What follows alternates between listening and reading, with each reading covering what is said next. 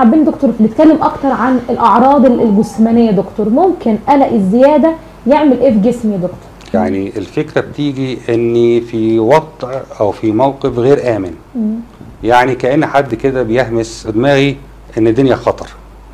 الدنيا خطر دي ما بتعديش بسهولة على خلايا المخ. الدنيا خطر معناها إنه بتروح إشارات إلى مراكز معينة جوه جسمي تفرز آه نواقل عصبية معينة زي الأدرينالين والادرينالين من شأنها إنها تحط الجسم في حالة تأهب وتحط الجسم في حالة استعداد. تتوقف كل المطالب في جسمي أحس إن أنا مش عايز آكل مش عايز أشرب ما مفيش حاجة غير إن أنا محطوط في وضعية الاستعداد. إني في خطر فلازم يا أجري يا إما أتخانق يا إما أتجمد في مكاني دول بيسموهم الثلاثه F اللي هم fight or flight or freeze اللي هو ردود أفعالنا للمواقف الخطر. fight إن أنا أتخانق. flight إن أنا أجري. freeze إن أنا أجمد في مكاني. ودي تقنية بتستعملها الحيوانات في بعض الأحيان إنه يعني لو عمل ميت الحيوان المفترس التاني مش هياخد باله منه. فلما بيحس إن أنا في خطر جسمي بيستجيب لهذا الخطر. فبيبتدي يحطني في الوضعية دي.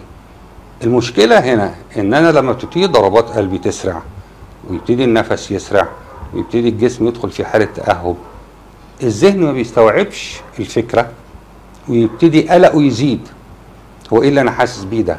هو ضربات قلبي سرعت ليه؟ هي ضربات قلبك سرعت عشان تنجز؟ لا. يبتدي الجسم يسيء تفسير سرعة ضربات القلب. يقول لا ضربات قلبي سرعت فأنا هموت. الحقوني. ضربات قلبي سرعت فأنا مش قادر آخد نفسي. أنا هموت. ضربات قلبي سرعت فودوني المستشفى. فالدماغ نفسها أو العقل نفسه يبتدي يتلخبط هو مش فاهم إيه اللي حصل.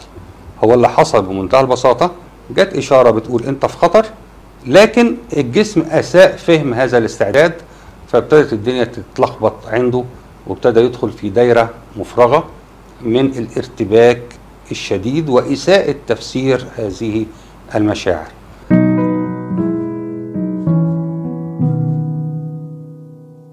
أيام زمان في الامتياز كنا نشوف طول النهار ناس تيجي الاستقبال الحق يا دكتور ده مش بتاخد نفسها. الحق يا دكتور ده مش قادر يبلع ريقه. الحق يا دكتور ده قلبه هيقف. كل الحالات اللي بتيجي في الاستقبال دي أغلبها بتكون منبعها ومنشأها. التوتر ومجرد حقنة كانت مهدئة ومجرد نوع من الطمأنة الأمر بيخلص. لكن في وقتها لو جيتي كلمت المريض مش هيقتنع. هيقول لك أنا فعلا هموت. في نوبات الهلع الشخص فعلا بيحس إن هو هيموت. فمشكلة القلق إن اعراضه الجسمانية كتيرة المصاحبة. تلاقي كل كل واحد فينا عنده عضو في جسمه يتجاوب بسرعة مع الخطر اللي بيجي في الذهن. يعني في ناس بمجرد ما تسمع الإشارة دي بتاعت أنت في خطر قولونها يتوتر. في ناس مجرد ما تسمع إشارة الخطر تدخل الحمام عشان في إسهال. مجرد ما تسمع إن في خطر يبتدي يدخل الحمام يتبول كتير.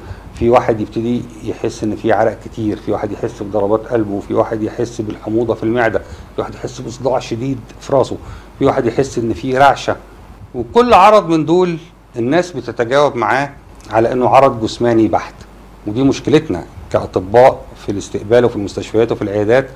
كل واحد بيجي يشتكي ما بيجيبش سيرة خالص فكرة إنه أنا قلقت أو أنا عدى عليا موقف مخيف أو ما بيجيبش السيرة دي خالص.